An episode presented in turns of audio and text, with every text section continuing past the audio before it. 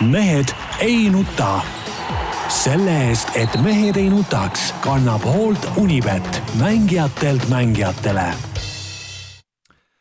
Tere teisipäeva, eetris on Mehed ei nuta, täpselt nii nagu teisipäeval kell üksteist Kord ja kohus. Ja nii nagu eriolukorras meie saate režiimiks saanud on, siis siin Parda tänava Delfi helistuudios saatejuhi rollis Tarmo Paju ja oma kodudest juba tuttavatest toanurkadest või seinaäärtest oleme saanud läbi Skype'i endale liinile ka meie kaks raudvara ja vanameistrit, mehed oma viiekümnendates ehk Peep. kuuekümnendates ma tahtsin sulle, ma tahtsin, tahtsin teile teha, tahtsin teha komplimenti, aga aga Jaan muidugi lükkas selle ümber kohe, nii et Peep Pahv ja Jaan Martinson, tere tulemast ja tere päevast!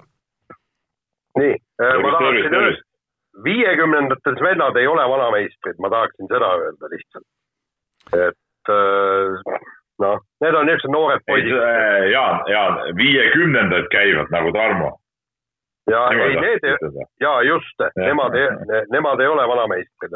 no selle sõna, selle, selle sõna mõte oli siis see, et viis on ikkagi teil kenasti ühtemoodi ees tiksumas. samamoodi nagu on näha, et eriolukorrast hoolimata olete te muidu täitsa särtsakalt tiksumas, kui otsa vaadata? no ütleme niimoodi, et, et liiga särtsakalt ei ole, et, et hakkab juba see linn ära tüütama. Äh, õnneks sai äh, nädalavahetusel käidud äh, oma maamajas, veed sisse pandud, kõik asjad, särgid, värgid, esimesed saunad tehtud, et kui ilm natukenegi soojemaks läheb, et siis, siis te mul seda seina enam ei näe, siis näete märgatavalt niisugune ja mul on seal laud ka olemas, siis ma saan laua taga istuda ja, ja, ja asju ajada. Peep selle jutu peale kiikas muidugi aknast välja ja, ja peab vist Jaani maa peale tooma, mul on tunne no ma ei tea, mul on siin lumi maas täna hommikul igatahes ja, ja sajab, sajab juurde ka kogu aeg seda, et, et siin nagu mingit suve või soove pole nagu kuskilt otsast tulemas, aga, aga lihtsalt mõnel mehel on eelis kogu aeg olla nii-öelda maamajas, nii et, et siin on kindlasti etem kui, kui seal kuskil Jaani korteris ja, aga ma äh, loodan, et, et nüüd äh, seoses selle kriisiga äh, see ehitussektor muutub ka mõistlikumaks ja ma saan ehitajad endale peale kutsuda ja, ja korraliku soojustuse sisse ka panna ja ära teha, katus on vaja teha ja aknad ja soojustuse. noh, seal on tööd palju uus. ehitada uus maja. no põhimõtteliselt küll, jah no igatahes Jaan kasutas suurepäraselt ära praegu võimaluse teha üleskutse Eesti kõige tublimatele ehitajatele, meie kontaktandmed on ju kõigil teada, nii et äh, üks potentsiaalne klient on siis äh, ekraanil meil kenasti ees.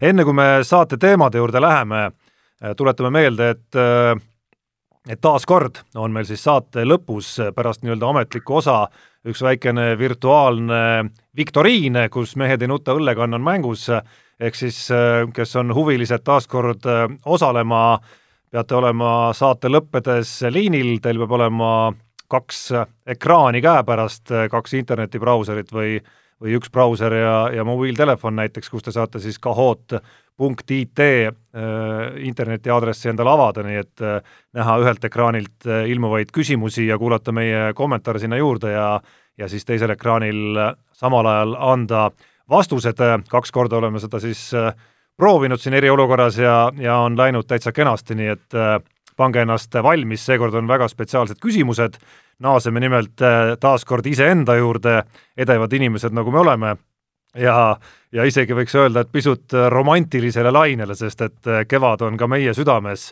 ehk siis kõik seitse küsimust on seotud meie kevade ja, ja praeguse olukorraga. aga sellest siis saate lõpus hetkel lähme saate teemade juurde ja ühest küljest kurbus, teisest küljest äh, just nagu rõõm on rääkida nüüd mingist teemast, äh, mis ei ole kuidagimoodi saanud äh, koroonaviirusest puudutatud, ehk siis eelmisel nädalal sai avalikuks rahvusvahelise suusaliidu raport, mis üsna halastamatult kisub ikkagi valgele täpsemaid detaile selles osas, mis puudutab äh, Mati Alaveri ja Eesti suusatajate sattumist äh, suurde dopinguskandaali eelmisel aastal, ehk siis äh, neid detaile, mis sealt välja tuleb, on palju, aga kui olulisemad kokku lugeda, siis kindlasti see, et lisaks veredopingule käis ka täiesti süsteemne kasvuhormooni kasutamine, pluss see, et kui me siin kodumaises äh, kokkuleppemenetluses äh, nägime ainult kinni kaetud nimedega äh, materjale, kus Mati Alaveri nimed olid kinni kaetud ja ta sai justkui rääkida, et, et see ei olegi tema, siis siis FIS-i paberites on väga selgelt ikkagi ära toodud, milline täpsemalt oli tema roll, kuidas ta suhtles, vahendas dopinguaineid ja nii edasi ja nii edasi. Jaan ja Peep, kes te olete selle teemaga ajakirjanikuna tegelenud nüüd juba aastaid, kui, kui minna päris Andrus Veerpalu esimese dopingulooni juba tagasi, siis, siis mis on teie esimesed kommentaarid? ei, mingit üllatust ei olnud seal ju, kõik, kõik need asjad, mis välja tulid, mis eriti puudutasid Mati Alaveri, noh, ega see oli kõik ju, ju nagu selge nagu ennegi. Et, et selge see, et selle asja ju ei piirdunud, no ma ei tea, ma tahaks näha niisugust inimest, kes ma ütlen, noh, spordiajakirjanikule, kes arvaski tõesti, et see asi piirdus mingi telefoninumbri vahendamisega, et, et, see oli selge, et, et süsteemne tegevus on toimunud aastaid, aastaid, aastaid ja, ja, ja, ja, ja ma olen täiesti veendunud, et see toimus ka aastaid enne seda, kui, kui see praegune äh, protsess nagu välja toob, et see toob päris hilised ajad, et, et noh, kõik märgid näitavad, et, et lihtsalt nii on kogu aeg olnud ja, ja niimoodi on medalid ka, ka tulnud. Äh, kahetsusväärne on see, et, et me ei saa lugeda nagu äh, seda pikemat protokolli, mis väidetavalt olla kaheksa lehekülge pikk ja ääretult huvitav lugemine. et sellest on ta ainult tehtud hästi lühike kokkuvõte ja loomulikult neid ka äh, meie prokuratuuri uurimistoimikuid tahaks, tahaks uurida, aga noh, kui sinna juurdepääsu ei saa, siis, siis paraku ei saa ja, ja, ja tegelikult kirjutasin ju loo äh, ka äh, kogu sellest asjast lehte ja enne seda uurisin ähm, Soome dopingutreeneri Kari-Pekka Kürö hästi pikka selgitust ja ülestunnistust, kuidas kõik need asjad on Soome suusatamises käinud ja ja, ja, ja noh, ütleme niimoodi, et, et kahju, et Mati Alaver ilmselt nii kaugele ei jõua öö, oma südames, et et, et ka Eesti rahvale selgeks teeks, mis toimus ja seal oli jah, selles mõttes huvitav, et Karl-Pekka Küro ütles, et, et doping on suusatamises üleüldine ja sellega, selleks, et mängus, suures mängus püsida, tuleb tegutseda täpselt nii, nagu tegutsevad ka teised. ja kasvuhormoon näiteks Äh, Soome suusatajateni jõudis kuskil üheksakümnendate keskel ja sealtmaalt siis regulaarselt äh, seda ka tarvitati ja noh, sealt läks äh, Küro edasi kõik EPO juurde, veredopingu juurde ja ja, ja praegu on noh, nagu seda veredopingut natukene alla tõmmatud muideks. et, et kuna on olemas need bioloogilised passid, väga huvitav oli, seal oli jooksjate kohta oli räägitud et eh, praegu nad vahetavad eh, verd ainult ühe kotikese jagu. ja see annab, ma ei mäleta, mis oli viie kilomeetri distantsil kümme sekundit edu, eh, kümme-viisteist sekundit edu, aga, aga enne nende bioloogiliste passide sisseviimist väidetavalt vennad vahetasid verd neli kotitäit enne võistlust. ja sealt oli juba, edu oli üle poole minuti, nii et et, et see on päris, päris karm, mis, mis omal ajal toimus ja ma miskipärast eh, ei taha kuidagi uskuda, et praegu me räägime, mis oli eh, eh, kaks tuhat kuusteist, kaks tuhat üheksateist aastates on kõik need uurimused, nii Eesti prokuratuuri oma kui ka FIS-i oma. ma miskipärast ei taha uskuda, et dopingu tarvitamine käis ainult viimasel kolmel aastal. no üks, milles millesse aitas nüüd äh, see FIS-i materjal äh, valgust heita, ilmselgelt oli ju ka see, et äh, et nii, nagu sa ütlesid, et Mati Alaver kahetsusväärselt ei, ei lähe Kari-Pekka Küro teed, kus ta siis võtaks kätte ja räägiks kõik ära. Et nii on tegelikult ka selles värskes loos käitunud tegelikult ikkagi ju lõpuks kõik osapooled, natuke tuleb Peepu kiita, kes algusest peale Karel Tammjärve ei tahtnud mingisuguseks suureks sangariks nimetada ja ja, ja meheks, kes võttis kätte ja puhtsüdamlikult kõik ära rääkis, et et selle värske materjali pealt saame me öelda, et iga mees on rääkinud ikkagi täpselt nii vähe, kui antud olukorras äh, ta on olnud justkui nagu sunnitud rääkima, ehk et äh, ka Karel Tammjärv rääkis ära selle konkreetse loo, selle nii-öelda konkreetse uurimise, mis tol hetkel oli käsil, ehk siis selle, eelkõige selle veretopingu osa, nüüd selgub, et äh, ikkagi on siin ka selge kasvuhormooni pool olnud, millest ei rääkinud ükski osapool, Mati Alaver täpselt samamoodi on siis nii-öelda Anu Sääritsa esimeses intervjuus, mille ta kaameras andis, moka otsast öelnud, et oli praktiliselt ainus Karel Tammjärv ja, ja siis, kui nii-öelda on olnud sunnitud kuskil mingeid asju omaks võtma, siis on seda äh, on seda teinud, et, et, et kõik need osalised on käinud ikkagi suhteliselt sama rada? no ilmselt nad ka lootsid, et võib-olla need uurimismaterjalid äkki ei jõua avalikkuse ette, noh. üks asi oligi see, et näiteks Eesti kohus ju, ju äh, salastas need, aga, see FIS-i uurimine äh, ikkagi, äh, noh, sealt tulid asjad ju välja, et noh, et, et, et selge see, et kui sa oled kuskil vahele jäänud, noh, mulle tundus kohe, et see tehti küll Kalev Tammjärvest jah, mingisugune Äh, Sangar, eks ole, kes tuli ja rääkis. Ja noh, tore oli, et ta tuli sinna pressikonverentsile, aga noh, tegelikkuses see oli kõik ju sunnitud käik, eks ole, ta ei oleks ju tulnud kunagi sinna välja, esiteks kui ta poleks seal vahele jäänud, teiseks äh, ta ju rääkis tõesti, nii nagu sa ütlesid, et rääkis täpselt seda, mida, mida oli vaja rääkida ja mida, mida oli võimalik varjata, seda ta ka varjas, et, et, et nii täpselt oligi. sama asi oli ju see Algo Kärbi äh, nii-öelda ise väljatulek, noh, ilmselt oli see selge, et see tema osalus nagunii tuleb välja, tuli ja rääkis, aga noh, nüüd saime teada, et ikkagi ikkagi veel mingid detailid tulid, need insuliinravid ja, ja, ja asjad, eks ole, millest ta tegelikult ka ei rääkinud oma, oma puhtsüdamlikkus nii-öelda ülestunnistus, et selles suhtes noh, selge see, et, et, et neid püütakse ikkagi ju teha ennast eh, võimalikult väikseks süüdlaseks, et see on inimlikult täiesti mõistetav. no ja, ja eh, noh, ma arvan, et seda oleks palju loota, et need eh, mehed nüüd tuleks ja, ja räägiks ka selle teise poole Äh, kogu sellest loost ära ja, ja äh, noh, asjata oleks loota, et ka äh, väike ja suur Veerpalu ükskord meedia ette tulevad ja räägivad, kuidas neil see asi käis.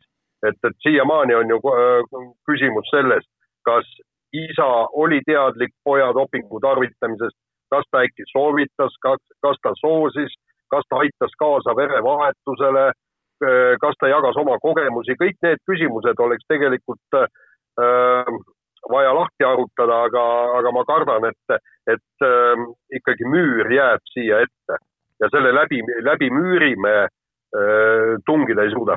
no kuna Andrus Veerpalu on sellest juhtumist ikkagi nüüd ju lahku löödud äh, ja ei ole osa sellest äh, praegusest otsusest, nii et kõik märgid viitavad, et ta on läinud äh, protestima selle otsuse vastu, siis siis ilmselgelt mäng ju käibki nüüd selle ümber, kas tema äh, rolli on võimalik ka päriselt tõestada või mitte, ilmselgelt äh, ei hakka poeg tema vastu tunnistama selles protsessis. no selle, seda nii on ja, ja kõik sõltub sellest, et kuivõrd palju tõendeid on PIS-il ja ma ei tea, kas Eesti prokuratuur üldse äh, Andrus Veerpalu uuris, kuigi ta noh, teoorias oleks pidanud uurima, sellepärast et ka siin ju käis dopingu vahendamine, kui siis mitte oma pojale, siis vähemalt äh, Äh, Aleksei Poltoraninile. et äh, aga, aga, aga jällegi ma arvan, et, et äh, see jääb ja noh, tegelikult lõppkokkuvõttes see ju mitte midagi ei muuda. ega Andrus Veerpalu ei saa nii või naa rahulikult minna linna peale ringi, käima medalid kaelas ja rind uhkelt ees. et see on kõige kahetsusväärsem kogu selles protsessis no tegelikult Otepää nii-öelda, ma ei tea, Otepää vist ei ole päris linn enam, aga Otepää vald on, aga Otepää vahel käib täitsa rahulikult ringi, nagu ma olen aru saanud, käib poes, käib lapsi kooli viimas toomas. no mis seal ikka, noh, ega elu läheb tema jaoks ju, ju edasi ja, ja, ja, ja, ja ega seal, ega seal midagi polegi, lihtsalt jah, ütleme seda, ütleme seda mainet nagu, et, et äh, olümpiavõitja mainet, noh, talle praegu äh, juurde panna, et, et ma räägin siin olümpiavõitjaga, noh, see ei ole nagu, minu keel seda küll ei paindu ja ma temast ei saa nagu üldse aru. see, aga kas ta teadis, ei teadnud, no ma ei tea, Kalev Tammjärv jälle oma kuulsas ülestunnistusi väitis, et teadis, no vaata nüüd seal seda, seda jälle nagu valetama hakkas ja kuidagi juurde hakkas panema, et, et, et Andrus Veerpalu teadis neid asju, et, et küllap see oli ikkagi osa sellest jutust, mis, mis nagu tuli ära öelda. Äh, mis on huvitav samas ja, äh, ja, ja millest me oleme ju siin nende kuude jooksul äh, natukene ka rääkinud, ma ei tea, kui palju nüüd värskeid katseid on tehtud, te saate ise täpsustada seda, aga kõik need äh, nii-öelda ülestunnistajate partei liikmed eesotsas äh, Karel Tammjärvega, ega nad enam ei ole ju väga lihtsalt kättesaadavad?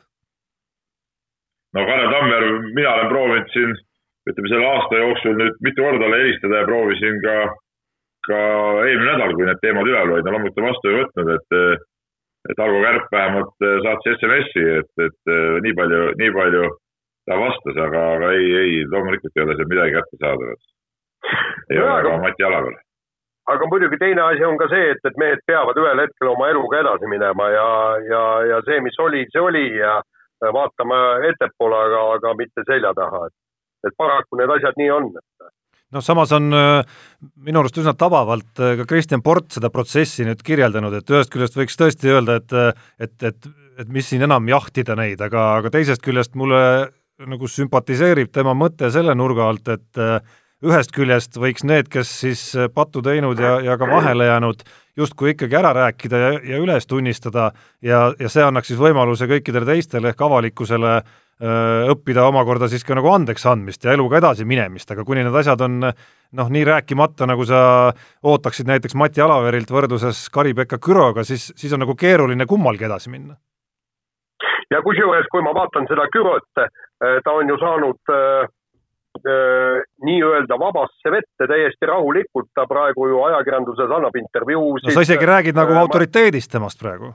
no absoluut, ei, aga ta ongi autoriteet, ta on dopingu autoriteet ja, ja, ja kui kuskil midagi mingid kahtlused on või, või tahetakse uurida, kuidas need asjad käivad, loomulikult võetakse kõne Kürole ja, ja Küro räägib need asjad ära.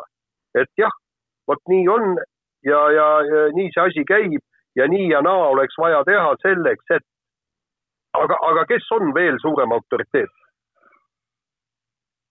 ei, ta ei olegi, tema teab neid asju kõige paremini, see on loogiline, et tema on autoriteet ja, ja kui ta on asjad nagu üles tunnistanud, siis on ka täitsa loomulik, et tema poole uuesti nagu pöördutakse ja, ja, ja on nagu selge, et ta nagu ei, ei häma enam nendel teemadel, et, et tal ei ole nagu sellest tegelikult ju mingit vahet tegelikult ei ole mitte mingit vahet, ei ole mingit vahet ka ju, ju tegelikult ei oleks ka Mati Alaveril, kui ta räägiks kõik ära, sest et ega, ega elutöö on hävinenud ju nagunii, et selles suhtes ei ole ju, ju mingit vahet enam. ja, ja, ja samamoodi on ju äh, Soome suusatajad, eks Harri Kirvesniemi, Jari Isometsa. Äh, noh, nemad, nemad on ju ka nii-öelda pildis. rehabiliteeritud nii-öelda mõnes mõttes. üldsuse poolt, jah no kui on Eestis ajakirjanikke, kes äh, ütleme, teavad Mati Alaveri no nii hästi, kui ajakirjanik äh, teada saab, siis, siis äh, ega palju teist paremaid mehi võtta ei ole, mis te arvate, kas, kas me näeme seda päeva kunagi? ei, ma ei usu, ma kahjuks, kahjuks ei usu, sest, sest juba, juba see, mis, mis siiamaani on olnud, et, et Matil oleks ju praegu täiesti võimalus ise välja tulla ja tõesti valmis kirjutada see suur ja selge pihtimus, äh, kuidas need asjad käivad, aga sellega ta paneks ju tegelikult ka ametlikult äh, punkti oma tööle ja tege-, tegeliku nii-öelda treeneri oskustele. et, et selle taga on ikkagi, ma ei, ma ei ütleks, et võib-olla eelkõige doping, sellepärast et noh, kehvale suusatajana, nagu me nägime siin Seefeldis, kes vahele jäid, sa võid ju Mendelejevi tabeli tagumikku süstida, ega sealt tulemust ikkagi ei tule. Et, et mees peab sellega vastu võtma, nii-öelda välja kandma selle dopingu, nagu Andrus, Andrus Veerpalu ilmselt, ilmselt kandis. aga, aga teine aga... asi on ju, ja aga teine asi, mis Mati Alavere puutub, on ikkagi see, et, et äh, miks ta ei saanud äh, Poltoraninit liikuma. kui töö, koostöö algas, oli Poltoranin kahekordne MM-i pronks ja, ja tulemust ei tulnud. kuigi, kuigi pilli pandi ja verd vahetati. mis puudutab ülestunnistus, Jaan, nagu sa tead, mul on mobiiltelefonis äh, üks nii-öelda kaudne lubadus, et, et see ülestunnistus võiks kunagi ikkagi toimuda ju. no vähemalt ta lubas sinuga rääkida, hiljem räägib, oli vist? jah, oli kuidagi nii jah, mitte ja. praegu või, või, või kuidagi ja, hiljem jah, midagi niimoodi. ma pean selle üles otsima ja, ja ja teoreetiliselt võtta kaudse lubadusena, et kunagi me räägime asjad, asjad paika, nii nagu nad on. Ja, ja kusjuures ma ütlen, et, et millega see Küro ennast kõvasti puhastas ja kõik, kui ta, kui ta seda pihtimust kirjutas äh, või rääkis, oli, oli tõesti see, et, et ta selgitas, mis suusamaailmas tegelikult toimub. ja, ja kui sa tahad olla pildil, siis sa pead kasutama teatud vahendeid. kas, kas sa, kas sa, kas, kas sa, Jaan, teisalt. see sõnum üles kunagi tulevikus kindlasti on sõnastus, nii et kindlasti. Väga hea, aga ma tahtsin küsida Jaanilt veel siia otsa, et sa väga idealiseerid praegu Küro, samas ütleme, see jutt patustelt, et ma nüüd räägin ära, kuidas kõik käib ja see oli ainus variant ja ja kõik ümberringi panid, et see kuidagi kõlab ka siiski natukene enda vabandamise jutt ei, aga, aga e, eks ta olegi, tähendab, kui sina oled Soome koondise peatreener ja, ja, ja suusatamine on Soomes ju ääretult suur. Ja kui sa tead, kuidas mujal asjad käivad, mis variandid sul on? üks võimalus on tõesti pühkida käed puhtaks, öelda, et mina ei ole võimeline tegema tööd ja, ja teine asi oli see, et see, Soomes oli ka suusaliidu poolt oli ju, oli ju nii-öelda dopingu mahit-, mahitamist. Et, et, et sealt anti täielik tabroo sellele, et mehed, pange pilli ja vahetage verd. ei, mu küsimuse mõte pigem on see, et kui faktipõhised tema teadmised ikka on selle kohta, mida tegid rootslased, norralased, äh, sakslased või, või, või itaallased? no ma miskipärast arvan, et nad teavad. vähemalt neil on mingi aimdus olemas no vot, et, et ma ei ole näinud väga palju, et ta neid faktidega oleks ikkagi põlistanud ja tal on ka keeruline seda, seda ju tegelikult teha noh, jah. noh, kui me vaatame näiteks nende norralaste verenäite, mis olid, äh, mis seal äh, tuhat üheksasada üheksakümmend kuskil seal, kui, kui vendade, äh, vendade hemoglobiini näit oli, väidetavalt oli kõvematel meestel kakssada kakskümmend ja siis, kui tõmmati piirnorm saja seitsmekümne viie peale, siis naksti oli vendadel seesama verepiirnorm sada seitsekümmend viis on ju noh, ütleme, mida sul veel on vaja teada? nii, aga tõmbame sellele teemale joone hetkel alla ja läheme teemadele, mida koroonaviirus kahjuks äh, juba puudutab ja, ja see teema number üks on Tokyo olümpia. Jaan, sa ise oled värskelt kirjutanud artikli, mis viskab õhku võimaluse, et äkki isegi järgmisel aastal me Tokyo olümpiat ei näe ja äkki jääbki üleüldse see olümpia vahele põhimõtteliselt, kui, kui, kui sa loed ja, ja, ja vaatad neid kõiki uudiseid, mis praegu tuleb, kõik asju lükatakse edasi. täna lükati siis sisuliselt äh, ka see Prantsusmaa vormelietapp lükati edasi, igalt poolt lükatakse edasi kõik, kõik nii ja, ja tegelikult ei ole mitte kellelgi mitte mingisugust selgust, millal me saame üldse võistlema hakata. kõik see on äh, õunte pealt ennustamine. järgmine asi on see, et, et nüüd ma eile lugesin äh, teadlaste arvamust, publikut ei saa enne staadionitele lubada, kui on eh, vaktsiin välja töötatud. Eh, publik ei tulegi enne sinna, vaata oli ju küsitlus, kus see, see oli USA-s küsitlus kus, kus seitsekümmend protsenti ütles, et nad ei tulegi ennem üldse tribüünidele, kui no, ei no Peep, sa oled ise hea näide ju, sa oled üks eeskujulikumaid karantiini jälgijaid Eestis. seni, kuni see viirus mingilgi kujul on liikvel, ilma et oleks vaktsiinid ja ravimid, no elu sees, ma arvan, et sa ei tõsta jalga toimetusse, rääkimata sellest, et sa läheksid kümne tuhande inimesega staadionile või saali. jälle vale, kui öeldakse, et töö jätkub toimetuses, siis ma loomulikult tulen toimetusse. isegi kui äh, see kätkeb ohtu endas, ma ei ole kindel selles. ei no, no kuule, nagu kord on kord, noh. nii, aga Jaan, segasin no. vahele ja ei ja, ja, ja, ja siis ma hakkasin, sealt tulevad nagu mis see oli, kaks nädalat tagasi umbes äh, lükati ju need äh, Tokyo olümpiamängud edasi ja siis ei olnud ju mitte mingisugust juttu, et noh, et, et me ei tea, kas, mis, kuidas.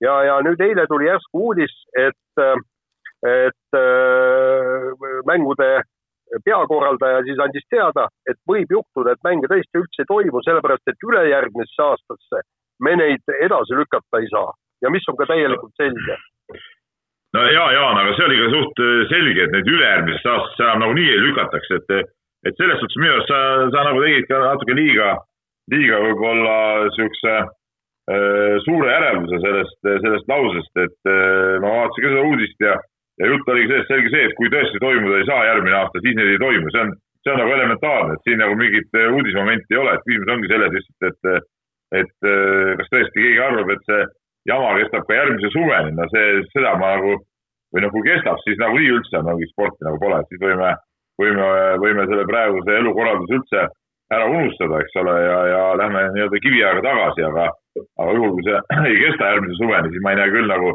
mingeid takistusi, et, et see ei saaks toimuda järgmisel suvel, et küll need kõik muud, muud äh, detailid seal ka paika pannakse ikkagi.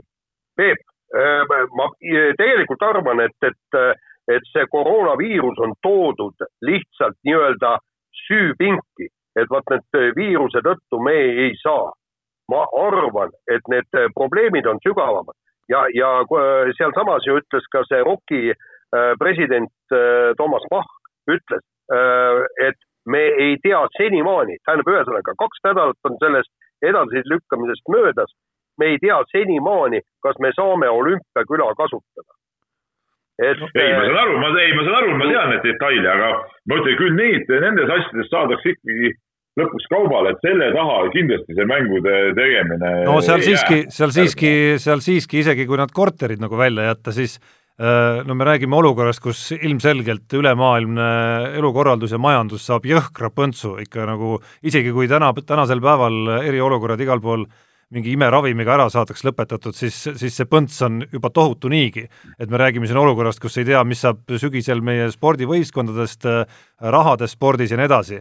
ja kui me nüüd teiselt poolt paneme juurde, et olümpia on ikkagi üks äh, räigelt kallis ettevõtmine et mida jaksavad enda kanda võtta ainult ikkagi väga heal järjel ja, või siis hästi suured riigid, siis äh, ilmselgelt praeguses olukorras oleks raske ette heita jaapanlastele, kui nad hakkavad mõtlema, et oot-oot, meil on ju sada korda tõsisemaid probleeme ka järgmise aasta keskel, millega tegeleda, et miks me peame selle, selle koorma endale võtma veel? ja just täpselt. Ja, ja, ja kui tegelikult ma arvan, et, et ka äh, ROK on hakanud äh, raha nagu kokku lööma. Sest, sest nad andsid teada, et nad peavad ise ka tuulutama sadu miljoneid eurosid selleks, et äh, Tokyo olümpiamängud saaksid aasta hiljem toimuda. ja siis järsku selgus, et nad on kindlustanud jah, olümpiamängud küll, aga, aga mitte edasilükkamise, vaid ärajätmise vastu. mis tähendab seda, et kui olümpiamängud jäävad ära, siis äh, ROK ei vaju omadega sügavasse miinusesse vaid äh, raha säilib, mina, jõutakse vaata et plussigi. Ja, ja ka see võib olla üks, üks põhjus, sest, äh, sest me ei tea ju, kuidas selle ROK-i finantsseis ja kõik on. vaata, et äh, ühel hetkel tuleb korrald-, korraldad need mängud ära ja siis tuleb ju putka äkki kinni panna. tegelikult peaksid ju kohe pool aastat hiljem toimuma taliolümpiamängud. kuidas need korda saab? et, et vot see võib ka olla üks põhjus, miks nad kaaluvad, et ah, paneme parem pillid kotti ja, ja aga see oleks muidugi ääretult kahju, sest terve põlvkond sportlasi ei saa võistelda just need, kes praegu on oma parimas vormis. et siis oleks kaheksa aastat ju äh, olümpiate vahe, eks ole. just. no maailm on, maailm on äh, seda kogenud muidugi, isegi suuremat pausi. ja, ja see... ei, seda nüüd küll, aga seda sõja ajal. no ega see olukord nüüd väga palju erinevaks ei kisu, kui see väga pikale läheb jaa, aga, aga arvesta, et toona ei olnud ju seda tippsporti, siis ei olnud ju nii meeletut seda profisporti, siis suutis see sportlane olla tippvormis ka noh, võta need maadlejad kasvõi tead kuskil jahukotte tassides. aga, aga praegu ma võtan ka, ka puhtalt näiteks Magnus Kirdi seisukohta, seisukorda. et kas ta suudab neli aastat veel oda maailma tipus olla, just need oleksid tema olümpiamängud Tokyos ja, aga ma ütlen ikkagi nii, et mehed, te mõlemad vaatate seda asja liiga pessimistlikult. Tarmo on nagu minu silmis samuti tunnustatud, ütleme, pessimist esi, esikohal, ütleme selle teemaga. et nüüd Jaan on ka sinna, ütleme, sellesse patta nagu astunud, et, et ma arvan küll, et toimuvad. ma, ma ei, mina, ma Peep ei, ma endiselt vaidlen nagu vastu, et kas, kas see on pessimism tegelikult, et et siinsamas stuudios kaks tundi varem Äh, viisin ma läbi Delfi erisaadet, kus äh, külaliseks äh, virtuaalsel moel oli siis Tartu Ülikooli professor, matemaatik Krista Fischer. kahjuks alles pärast saadet tuli mul küll meelde, et tal on ka meie saate tänase esimese teema puhul oma roll ajaloos mängida, et oleks kas või pärast saadet saanud temalt natukene küsida, aga õigel hetkel ei tulnud meelde, see selleks.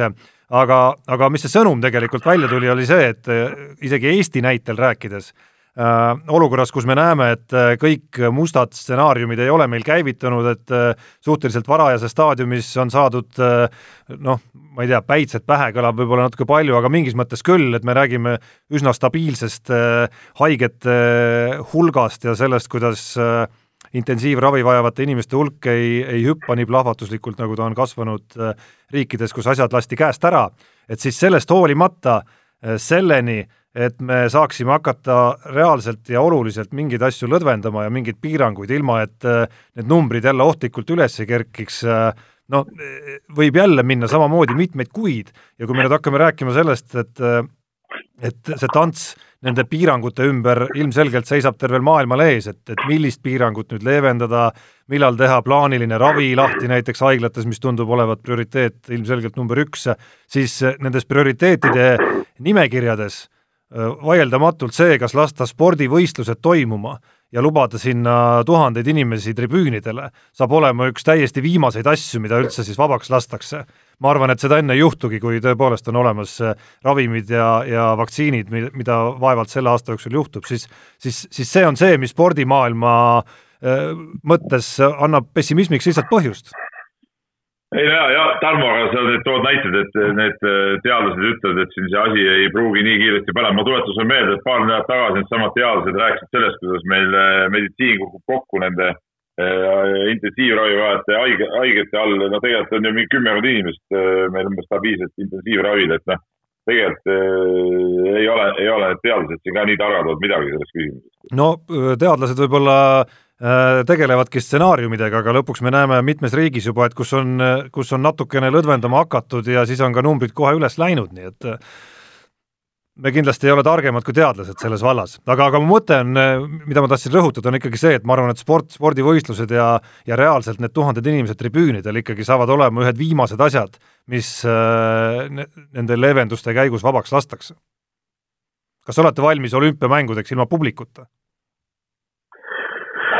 Variant on ju olemas. mulle see muidugi meeldiks, sest minu silmis spordi üks mõte ongi see, et inimesed kohapeal seda jälgivad, mitte ainult televiisorist.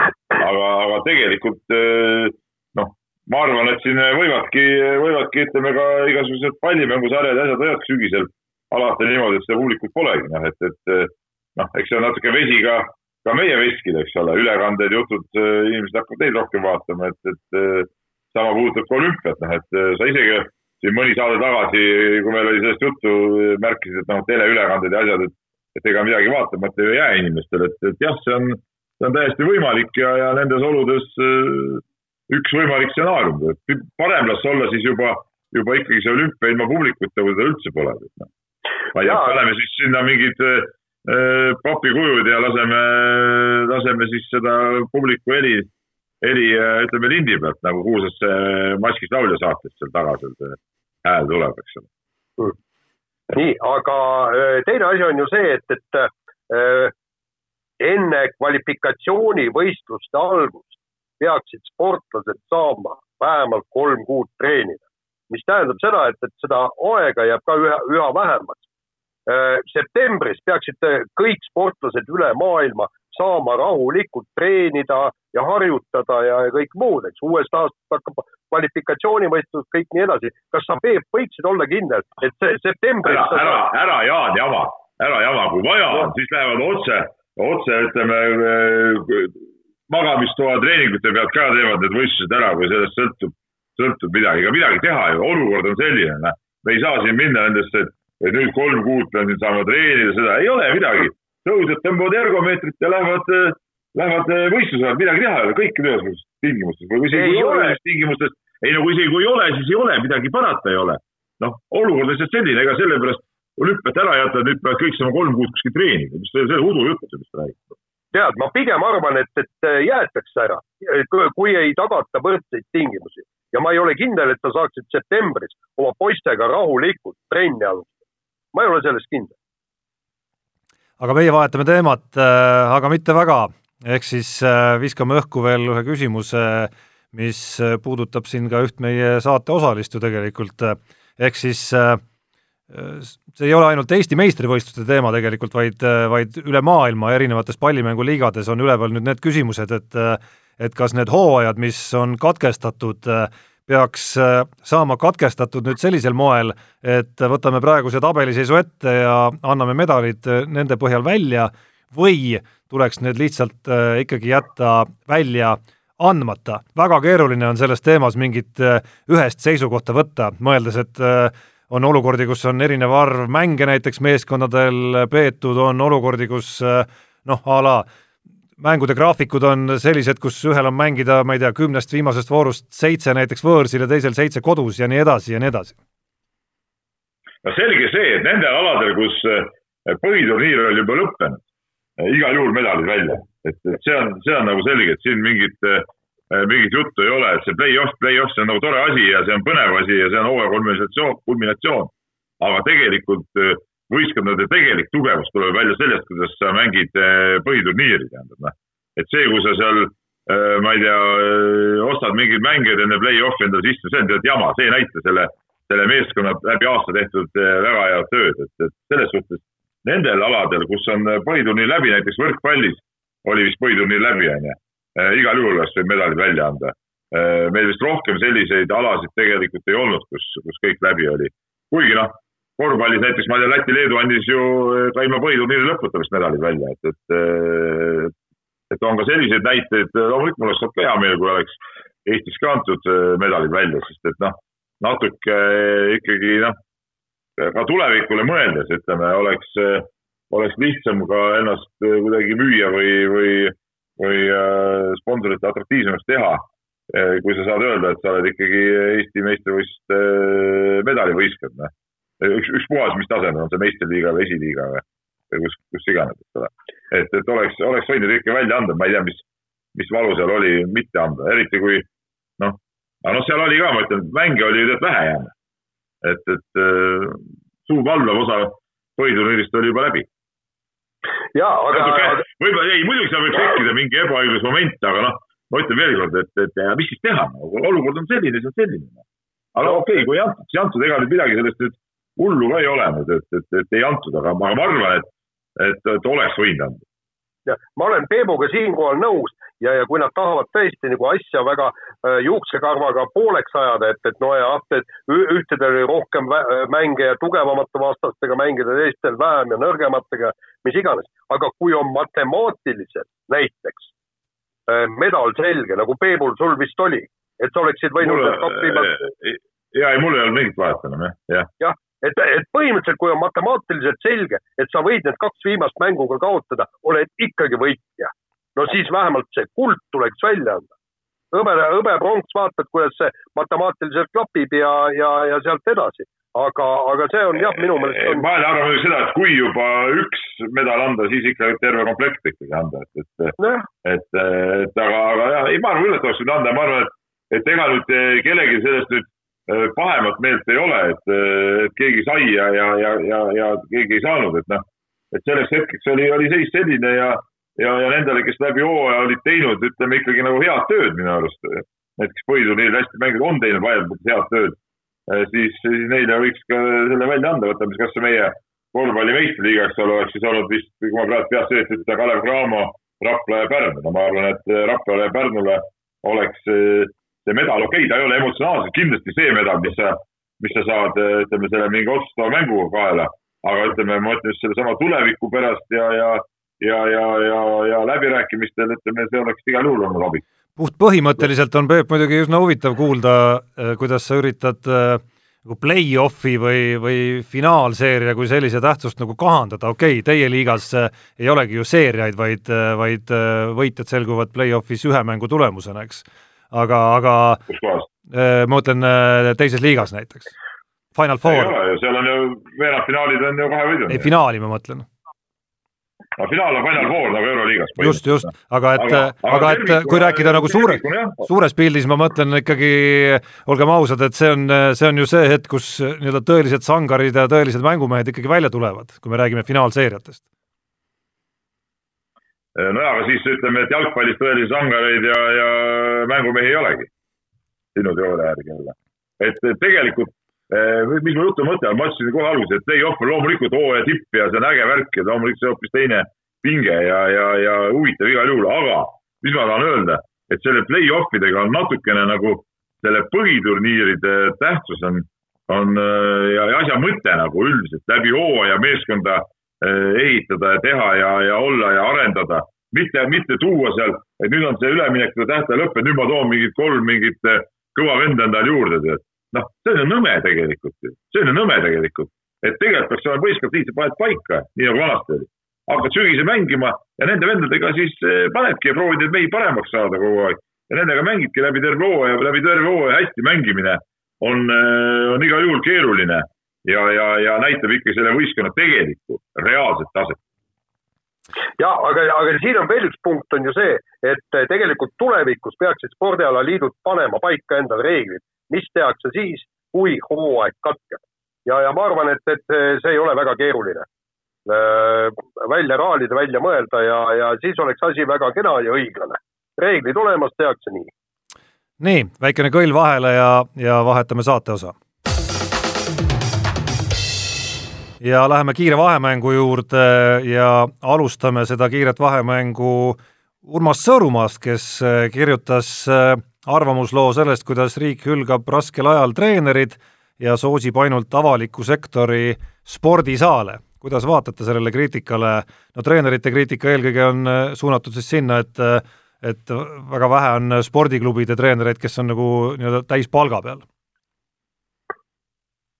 no seal on see küsimus ka veel, eks ole, et need spordiklubide treenerid ei saa ju seda nii-öelda treeneri riiklikku palka ka, kuna see kehtib ainult noorte, noorte treeneritele, et, et eks see süsteem, süsteem on igatepidi meil vildakas ja, ja, ja, ja ütleme noh, ma saan aru, et siin on küsimus selles nagu selles töölepingutes, mis need spordiklubi treeneritel on, et see ei, ei, ei, ei kvalifitseeru valitsuse silmis siis nende, nende töölepingutega, millega saab äh, seda toetust küsida ja see ei ole tegelikult ainult treenerite, see ei ole ainult ju treenerite probleem, et juuksurid, iluteeni, ilutee, ilusektori inimesed ja nii edasi. no jaa, aga, aga, aga miks siis noh, teistpidi võib küsida, et aga tehke normaalsed töölepingud nagu noh. no see, üks asi on treeneritega, aga teine asi on ju tõesti need spordibaasid, meil on, meil on siin äh, eraspordibaase on ju küll palju, et, et minu meelest ei saaks siit nagu võtta, et, et üks on riiklik spordibaas ja teine on eraspordibaas. eraspordibaas ongi ju tegelikult rajatud sellepärast, et riiklikku spordibaasi ei ole. võtame kasvõi äh, kõik meie, äh, no kas just kõik, aga, aga paljud meie tennisehallid. et sealt meilt tulevad ju Kaia Kanepid, äh, Jürgen Sopid ja Anett Kontaveidid. ja, ja see oleks väga kahetsusväärne, kui meil neid tugevaid tennisiste ei oleks. ja, ja, ja miks siis neid mitte toetada, võtame.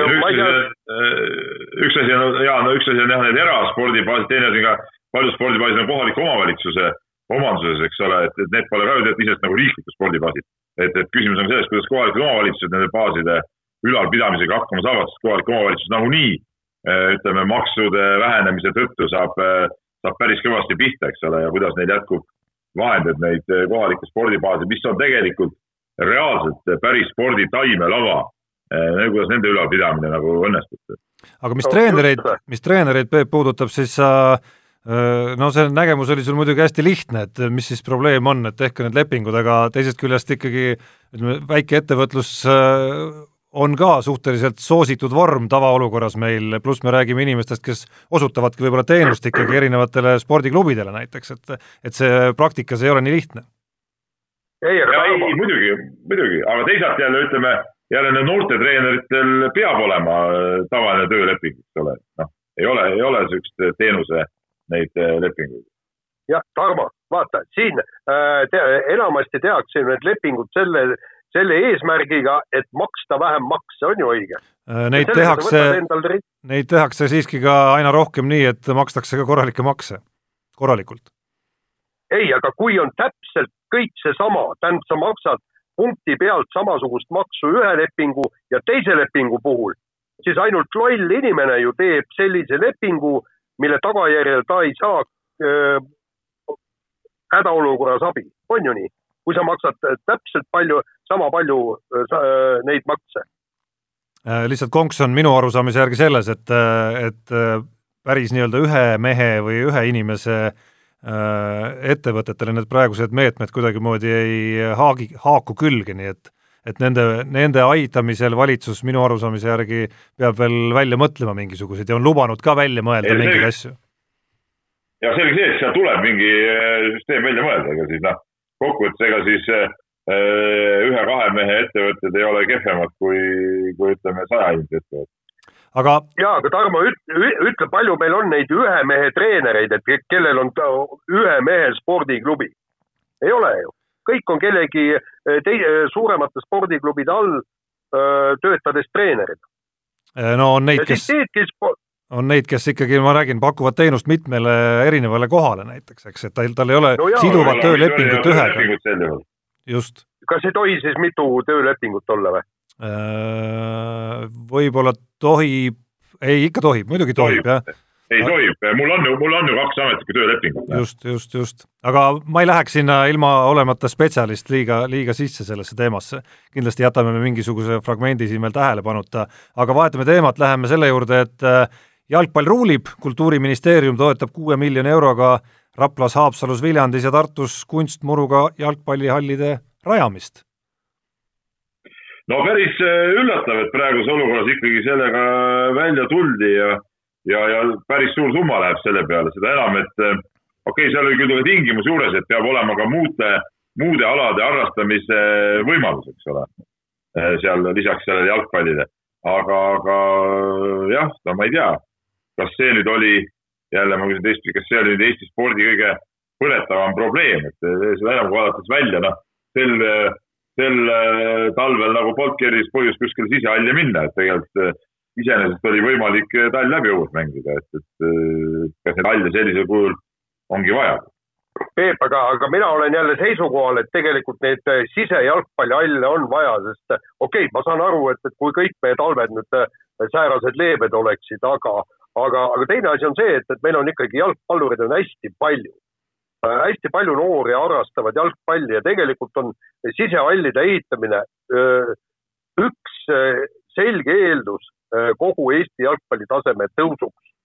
ja, ja see ei oleks sugugi paha, kui meie jalgpall nüüd, selge see, et, et see ei ole nii, et täna paneme halli püsti ja järgmine aasta mängime juba EM-finaalturniirid et see on kümme, kümme, viisteist, kakskümmend aastat läheb selleks aega, aga, aga minu meelest jalgpalli sisehalle on vaja täpselt sama palju kui korvpallisaale või, või tenniseväljakuid. no üks asi, mis on nagu hea jalgpallihallide juures on see, et praegu jalgpallurid, kui nad tulevad sisse, siis nad tulevad ju, ju korvpallisaalidesse ja, ja tekib trenniaegadega päris äh, suur kitsikus ja seda ma näen ju seal Keilas äh, omal nahalgi, et, et kui kui need jalgpallurid kõik koliksid hallidesse ära, siis jääks ka ütleme korvpallile ehk siis nagu päris, päris pallimängule jääks nagu rohkem no, aega. ja teine asi, mida ütleb siis äh, harrastus, majandusanalüütik, on see, et et lõpuks on ju hea, kui riik annab nagu ehitusettevõtetele tööd, nii nagu ma loodan, et Jaan hakkab ka varsti seda tööd pakkuma ja läbi selle meie majandust siis elavdama. ja, ja ma, ja muide, eelmise masu ajal äh, oligi see probleem, jällegi ma ei ole siin spetsialist, aga, aga nii palju, kui ma mäletan, oli Soome see, kes hakkas riiklikult masu järgselt ajal, hakkas ehitama ääretult palju ja, ja ei, nende omad ehitajad said, said tööd, raha liikus, ei pidanud inimesi vallandama. no kokkuvõte on see, et kõik raha, mis tuleb sporti, ükspuha mis alale või mis, mismoodi, kõik see raha on hea. see on, see on nagu ütleme, niisugune jäme kokkuvõte selle teemaga vahetame teemat, Tanel Kangert, meie jalgrattaäss, tänab meie valitsust, et metsarahvast ehk eestlasi nelja seina vahele ei ole suletud nagu hispaanlasi ja itaallasi.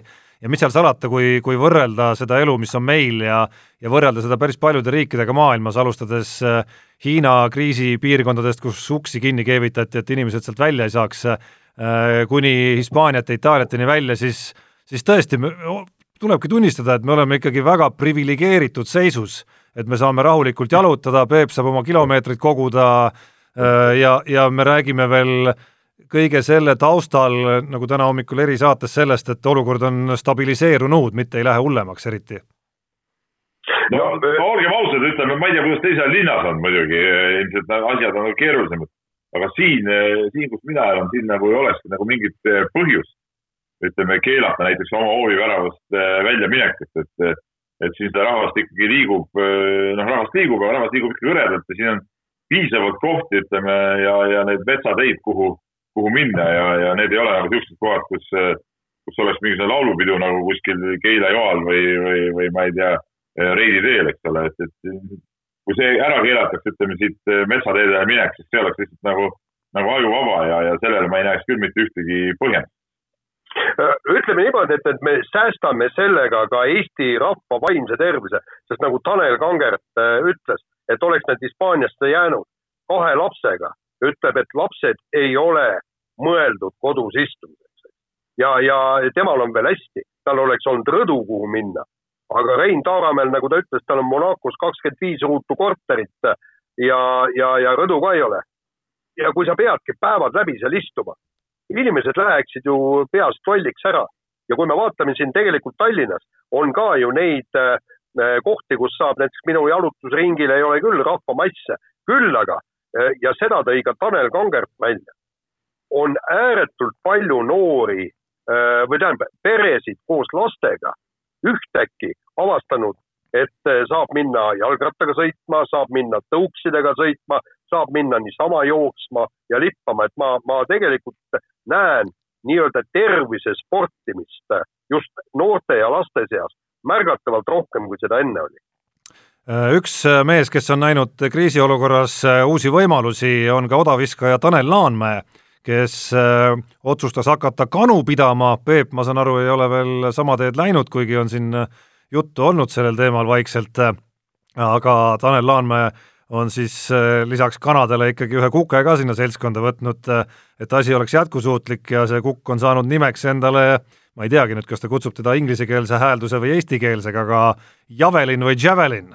no nimi on uhke muidugi no Tanel Laanmäe on nagu tore mees ja ta on õige, õige Eesti mees, kes ei, ei ole mingi linnavurle, vaid ta elabki ju tegelikult maakohas ja, ja, ja oma majas seal kuskil metsa, metsa veerel, eks ole, nii-öelda ja, ja nagu loomulik sa sellises kohas elad, et miks sul ei võiks need kanad olla, et, et, et äh, ma ükskord vaatasin äh,, noh, siin oma, oma hoovis ka, et, et ega ma siin prouale pole julgenudki rääkida, aga, aga et, et selliste ratastel vaata need liigutatavad kanapuurid nagu need väiksed majast, et paar kana võiks sees olla, et tõstad siia ühte kohta ja teise kohta ja siis rikkus loovi ära ka tead niimoodi, muidu kui ühte nurka kuskil ehitad, see on nagu mingi, mingi porimülgas varsti, eks ole.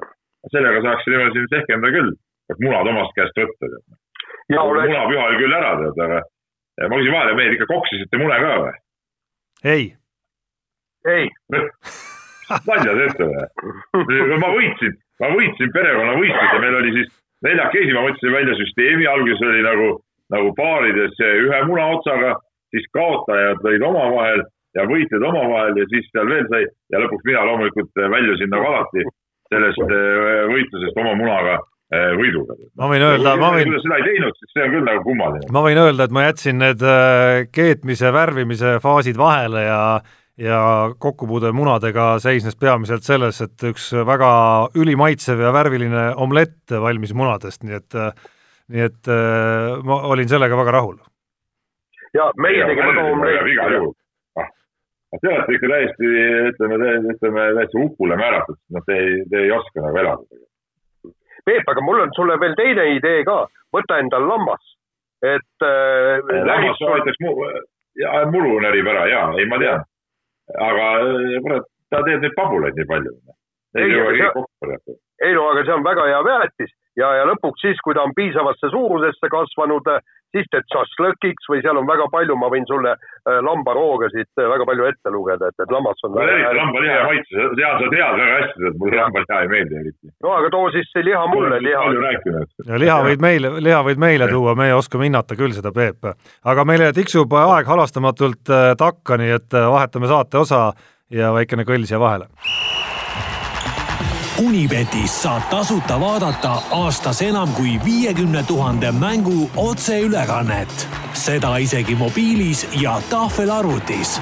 Unibet, mängijatelt mängijatele nii ja hämmastaval kombel, kuigi kestab eriolukord ja sporti tehakse vähe, siis äh, panustamine on meil meie Unibeti võistluses hoopis elavnenud esiteks äh, ma alustan ise ikkagi, sellepärast et äh, me pidasime eelmine kord e-spordi teemadel elava vestluse maha. Peep lubas, et ta nädal aega ei räägi minuga, kui ta, kui ma panen panuse Ropsi ehk siis meie e-sportlase Robin Kooli tapmiste arvule mul oli lõpuks suur dilemma, nimme tahtsin panna muidugi seda panust lihtsalt põhimõtte pärast, aga lõpuks, pidades nõu asjatundjatega, oli mul valida kahe panuse vahel, Mausports Robin Kooli tiim mängis siis selle liiga nimi on liiga pikk, et seda öelda siin, ESL Pro League või midagi sellist, mängis seal siis oma vastasega ja mul oli valida, kas, kas võtta see tapmiste teema või või panna lihtsalt äh, tema tiimi võidu peale ja lõpuks mulle tundus see ikkagi see teine parem panus, nii et ma olen oma elu esimese e-spordi panuse ära teinud ja see lõppes võiduga, nii et äh, on teatada häid uudiseid. Et nädalast rääkimiskeeldu Peep selle eest ei tee, aga neli päeva ikka, ma arvan. Äh, nojah, eks see on, oled nagu sa oled, et no mis ma sulle ikka peale hakkan. aga no ma ise siin muidugi ka läksin jälle libedale teele loomulikult, tegin seekord duubelpanuse Äh, siis äh, kõigepealt CSKA Pamir Dushanbe Huyandi mängule ja lisaks siis ka Dushanbe kaheksakümmend kolm, Dushanbe FK Istiklol äh, mängule, aga no ma kaotasin jälle, nii et, et, et et ütleme nii, et ma olen vist selles võistluses langenud viimasele kohale, mul on selline tunne.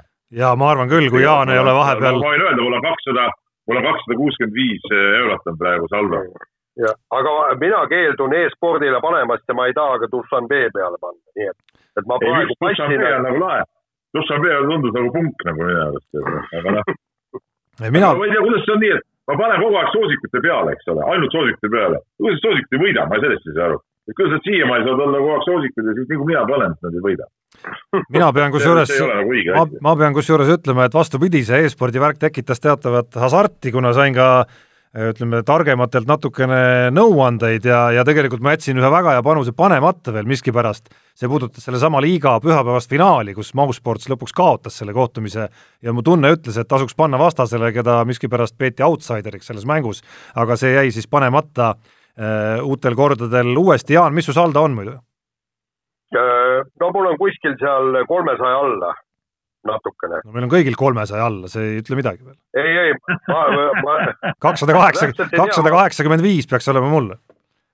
ja ei, ma võin ju vaadata kuskilt siit, aga no,. seni, kuni Jaan vaatab, ütlen mina, et Unibetis on tagasi äh, Streak R nimeline mäng, kus siis äh, iga päev saab äh, tasuta ennustada ühte küsimust, mis on ette antud ja kellel on kahekümne seitsmendaks aprilliks pikima võiduseeriaga Äh, võidujada, jagavad siis omavahel kümme tuhat eurot ja seal muidugi saab selliseid äh, obskuurseid panuseid omajagu panna, näiteks hetkel on seal sellesama e-spordi ja Counter-Strike'i mängu panus või õigemini küsimus, kumb võidab, kas Mad Lions või MIBR ja ma pean tunnistama, et äh, ma siin jätsin endast muljet, nagu ma natuke teaks midagi sellest, aga aga siin minu teadmised muidugi saavad otsa.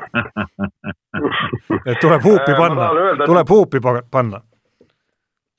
mul oli kakssada seitsekümmend üheksa eurot on mul. ahah, siis Jaan napilt äh, ei, oot-oot-oot, kakssada. sina juhid, siis sul oli kakssada kaheksakümmend. jaa, kakssada kaheksakümmend viis. tänu e-spordile ja Ropsile ära hõiska enne õhtut, nagu öeldakse, küll need Dušanbe võistkonnad mind lõpus võidule kannavad. nii, Peep, meil on tund saamas täis, me tahame veel äh, saate järel ka oma, ka oma viktoriini pidada, nii et kiiresti kirjadest ka. ja selle tunni juurde, selle hea minna kohe esimese kirja juurde, mille saatis Tamm Tamm meile ja, ja äh, küsimus äh, puudutab siis ETV-d ja, ja igasuguseid muid spordisaateid ja kiri selline, ühes saates arutasid ETV spordisaateid lõppemise teemat, et minul on üks üldisem küsimus, kuulan iga kord huviga Delfi taskus sporditeemalisi saateid, palju huvitavaid ja analüüsivaid saateid ilmub isegi praegu, kui võistlusi ei toimu. ja siis on, siin on eh, kirjas, et Peep, palun loe viimase kahe nädala Delfi sinu saate nimekiri ette koos saate pikkustega, no ma siis loen ette, ära loe kõiki, kuule, me jäämegi siia. ei, ma kõike ei loe, ma kõike ei loe.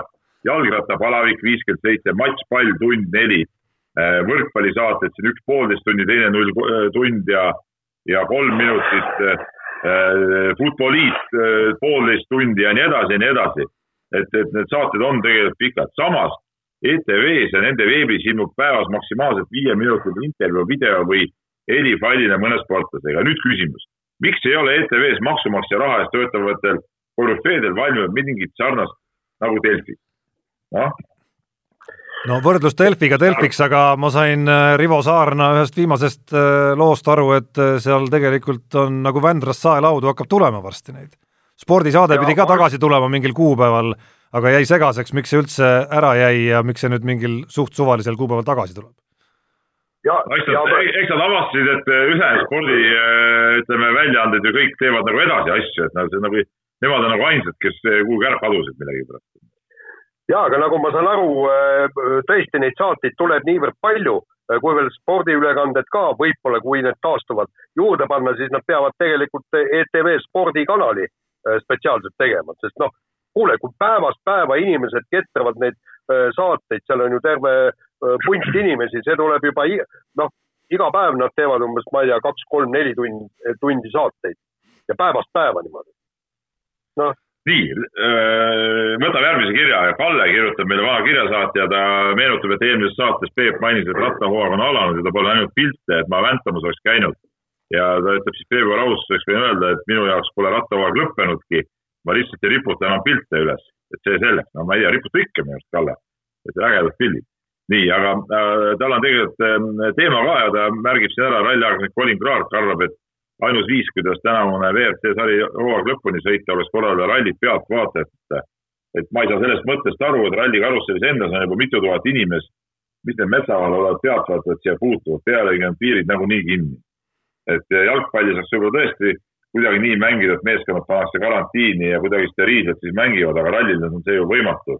ja kuidas võiks välja näha, et korraldajad, kohtunikud, mehaanikud, kokad, insenerid ja nii edasi omavahel kokku ei puutuks ma arvan ka, et see on nagu võimatu, et arvestades kogu seda suurt, äh, suurt masinavärki, siis see, see ongi nagu natuke kummaline no vastupidi, äh, samas on just hästi loogiline, et mingid kontaktid selleks, et sul sari edasi läheks, on vältimatud, noh, see, mis toimuvad siis tiimi sees, aga seda enam tuleb vältida siis täiendavaid, ehk siis neid, et me laseme ka rahva raja äärde, et ka seal toimuks mingisugune nakkuse edasikandmine, et äh, minimaalsel moel lihtsalt võetakse see risk ja kogu lugu ja aga ütleme niimoodi, et kui me räägime näiteks Soome rallist, mis võiks olla järgmine ralli, mida üldse sõidetakse, no näidake mulle seda võimalust, et sa neid tuhandeid äh, ja tuhandeid inimesi äh, metsade vahele ei lase.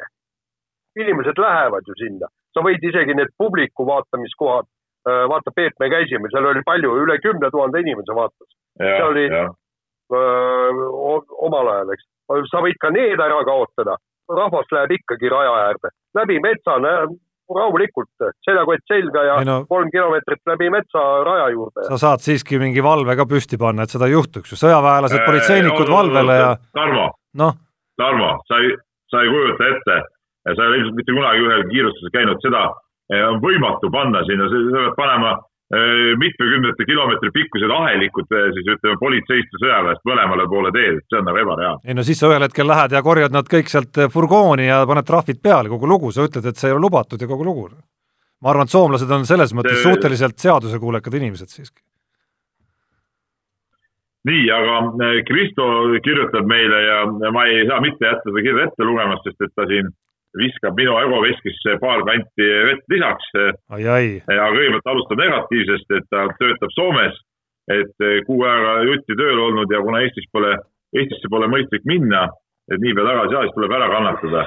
jah, ma tean, Peebu, Peebule see ei meeldi, aga mulle ka ei meeldi, et ta Delfis töötab sisuliselt vaenlase tagalas, nii et seis on üks-üks. ja ma siin ütlen seejuures, et, et jah, ütleme nii nagu vanad meie parteilased, kes nüüd tulid Eesti vabariigi ajal nagu on võimule ja nad ütlesid, et nad tegelikult nad ei olnud kingelt kommunistid, et nad äh, sõõnes, õõnestasid süsteemi nii-öelda seestpoolt. nii ka mina, ütleme vana konservatiivina, siis äh, olen äh, liberaalide väljaandes, ütleme süsteemi seestpoolt õõnestamas ja natuke ütleme Tarmot siin ka korrale kutsumas, et ta siin nagu oma euronoorused lihtsalt üle käte ei läheks, eks ole, Tarmo, see on mul hästi ka õnnestunud. õnnestunud ma ei ole kindel, aga, aga ükskõik, kas see õnnestub või mitte ei lase sa ennast äh, heidutada, ütleme niimoodi sinu auks jah, jätkan oma tegevust nii, aga äh, no siin kirjutab sellest, kuidas ta, kuidas ta saadet kuulab alati töö ajal ja, ja nii edasi, aga, aga tagasi siis Peebu juurde, et teemaks Rally Estonia, selle ärajäämine. olin tõsiselt kurb, et see ära jääb ja nüüd veel kurvem, et jääb kindlalt ära, aga minu pärast ei peagi seda asja enam tulema. Rally Estonia sain näha midagi mida raha eest ei osta, ehk siis elusat Peep Pahvi pojaga kalja ostmas. Et kahetsevaid, et selfit teinud, et teisel korral. vot nii, mehed, mis teil on vastu panna väga kahtlane. Teid on nähtud kalja ostmas ja, ja, ja ütleme, see nagu kaalub üle nagu Rally Estonia toimumise.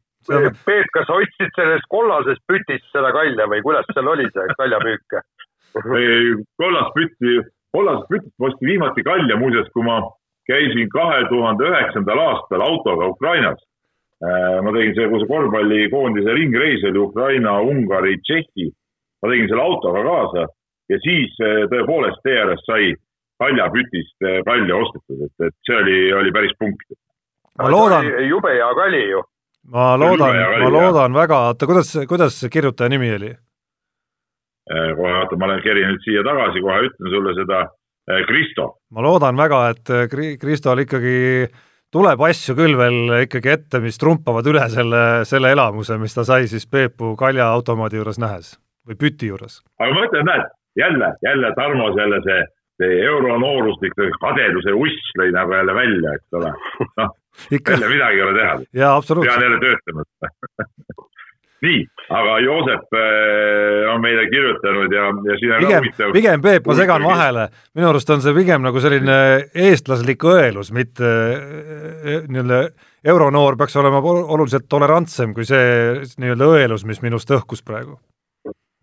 ei tea, aga euronoortel on ikka nagu see edevus, et tahaks nagu olla nagu, nagu ka nagu pildil ja, ja olla nagu, nagu, nagu mingi tegija, aga noh, ei saa veel vanade vastu, veel läheb aega, kümme aastat veel Tarmo, siis, siis saad pildil nii äh,, aga Joosep kirjutab meile ja, ja tere härrased, kõigepealt märgin ära, et kõik äh, õige oleks, tegin ka Peebu suure juubeli puhul kerge koduse aperatiivi, noh, absoluutselt õige, ma arvan, et kõik tegid seda äh,. asi selles, et kuna minul ja Jaanil on mõlemal äh, oktoobris juubelid suht lähestikku tulemas, siis kas Jaani oleks võimalik oma sünnipäevale tellida kutsuda, paljud mu sõbrad tahaks kuulata, kuidas vanasti asju aeti ja kuidas liidu tsempionaatidel medaleid vormistati. ilma naljata kartulisalatist, süldist ja valgest puudust poleks. no ütleme nii, et Jaanil me siin mingit vastamisõigust loomulikult ei anna. ma arvan, Tarmo, me nagu asume siin ütleme nii-öelda nagu mänedžeri rolli. ja, ja, ja, ja meie võimuses on komandeerida Jaan sinna. ja, ütleme, see on, see on ka ametialaselt on meil nagu võimalik Jaani komandeerida vastu vaidlematult, aga me teeksime niimoodi, Joosep, et see kartulisalat, sült ja valge eh, meile Tarmoga ja Jaan siis ehk produkt siis nagu teile, eks ole, et, et et ma arvan, see on nagu aus vahetus ja noh, me vaatame, et ta seal päris ülekäte ka ei läheks, pärast toimetame sealt lihtsalt ta nagu ära ka. et nii, et ja, ja loomulikult raha siis äh, ka meie arvel, et, et äh, ega siin palja selle süldi ja sellega nagu loomulikult kaubale me ei, ei saa. Peep, kuule, sa unustad siin, siinjuures ühe asja ära, mida ma olen toimetuses korduvalt ja korduvalt öelnud. ma ei tähista sünnipäevi ega soovita ka teistel seda teha ei no sa ei, ei peagi tea, enda sünnipäeva tähistama, Jaan, sa, sa lähed ja tähistad teise inimese sünnipäeva, Joosepi. ei, ma ei tähista isegi oma abikaasa ega oma laste sünnipäeva, nii et äh, vaevalt, et ma selle juures nüüd Joosepi sünnipäeva läheks tähistama. Äh, ja, aga kui me anname sulle ikkagi vastavad töökäsud kätte, siis ei ole sul nagu mingeid valikuid. nojah, palk tiksub äh,. Kar jah, kartulisalatit ja haljast võttes. jah ei, seda võtame meie, sina teed seda mingit omi nalja nii kaua. ja sina paned, sina paned, Jaan, Jaan paneb lihtsalt selle stopperi käima, vaata nagu advokaatidel on, kui nad oma tööaega arvutavad, et täpselt samamoodi käib ju Jaanil ka. jaa, absoluutselt. nii, aga võtame ühe kirja veel, kell läheb tõesti paljuks ja, ja Tõnis kirjutab, et eh, mis on mehed ja nuta seisukoht selle, sellise pool e-spordi kohta nagu F1 Virtual Grand Prix, et osalevad päris võidusõitjad, autod ja rada küll simuleeritud arvutiga, aga enne arvamusavaldust ma soovitan vähemalt eh, kokkuvõtte ära vaadata, endale tundus see enne vaatamist jaburana, aga pärast eh, täiesti okei. Okay.. et eelarvamused on hukutavad. no minu arust on see kõikidest e-sportidest äh, või okei okay,, kõik on võib-olla liiga absoluutne, aga üks kõige lähedasem mis üldse olla saab ju päris spordile, et ega, ega väga palju lähemale enam minna ei saa, kui vormelipiloodid ise sõitmas vormeliga Äh, ja, ja platvormil, mis, mis suudab juba simuleerida päris sõitu päris hästi? Äh, siin ma tahakski öelda, et kui seda e-sporti teevad vormelisõitjad, äh, see on minu jaoks täiesti okei okay., las vennad pännavad, nad jagavad seda asja ja kõige tähtsam on see, nad teavad, mida tegelik vormelisõit tähendab. aga kui on mingid suvalised sassid tulevad sinna kihutama äh, ja neil ei ole aimu ka, äh, et gaas, gaasi põhja surudes, need, nad tegelikul rajal võivad ka reaalselt surma saada, siis see ei ole mingisugune sõit, nagu see tavaliselt need arvutimängud on, et sõidad oma masina lössi, eh, sekundi pärast on masin tagasi rajal ja kütad edasi. Eh, vormelipiloodid teavad reaalsust, mingid tavalised e-sportlased seda ei tea. sa muidugi kirjeldad mingit mängu, ma saan aru, mis pärineb, nagu sinu teadmine pärineb vist umbes ka eelmisest sajandist umbes, et milline vormelimäng siis välja nägi? ei, miks ma vaatasin neid rallisõite ka, ega seal on ikkagi niimoodi, et, et kui sa, kui sa pangbusse paned, siis sa saad ikkagi edasi sõita. Need rattad ei tule alt ära nii lihtsalt kui, kui tegelikus elus. ja ma olen näinud ka kodus, kuidas siin, mul siin üks noormees sõidab seda WRC mängu on sõitnud ja ma olen isegi seal paar korda kätt proovinud, ma ei, ei ole, ei ole sellest küll eriti osav. ja ta ei ole väga tõene ka minu arust kogu see asi, aga seal hunnikusse paned, siis auto suitseb küll ja sõita saab ikka edasi. aga muuseas, Tõnisel on kirja ka teine pool, et tal on soovitus koroona ja niisugune väike nostalgialaks, et tuleks otsida üles eh, NS Friit USA korvpallis eh, Souli kaheksakümne kaheksanda aasta poolfinaal, et mõnus vaadata, kuidas Pribaltika USA noortele ära teeb, et hea oleks, kui sarnaselt Müürsepa mänguga teeks kolm sport sellest eestikeelsete kommentaaridega variandi ja no kommentaatoriks võiks siis olla näiteks Meedia Nuta esindus ja see konks no, on muidugi selles, et see oleks päris tore mäng. ja konks on muidugi selles, et see on äh, olümpiamängude äh, vana ülekanne, nii et äh, nende õiguste osas ma arvan, on need piirangud kõige karmimad, mis, mis üldse olemas on. et TV3-l kindlasti aga... varianti ei ole seda saada. Aga nostalgia, muuseas, nüüd ma natuke tahan ERR-i või ETV-d kiita, me ennem siin nagu laitsime, aga ühes asjas on nad äh, küll hästi teinud, nendel on ikkagi päris palju oma materjali siuksest huvitavatest mängudest ja asjadest ja vist oli eile see, kui pandi üles Kalevi üheksakümmend viis, üheksakümmend kuus aasta hooajas eurosarja mäng vist Bolognaga. vaatasin ka natuke aega seda, mul isegi see mäng, see Müürsepa korvijate otsa pealt läbiminek ja tagant ketonk on mul alati meeles olnud, ma seda mängu mäletan sellepärast nagu väga hästi. Ja, ja, ja, ja seda oli väga südantsoojendav äh, vaadata igatahes, et, et neid siukseid huvitavaid vanu, vanu mänge on nad äh, sealt isegi varem ka üles pannud, et, et need on, need on päris oodatavad, et tasub, tasub vaadata.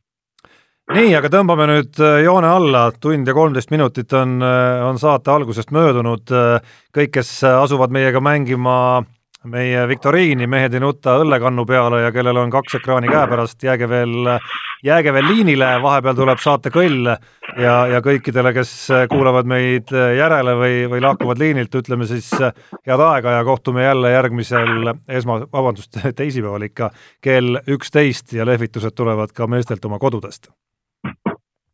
mehed ei nuta saate tõi sinuni Unibet, mängijatelt mängijatele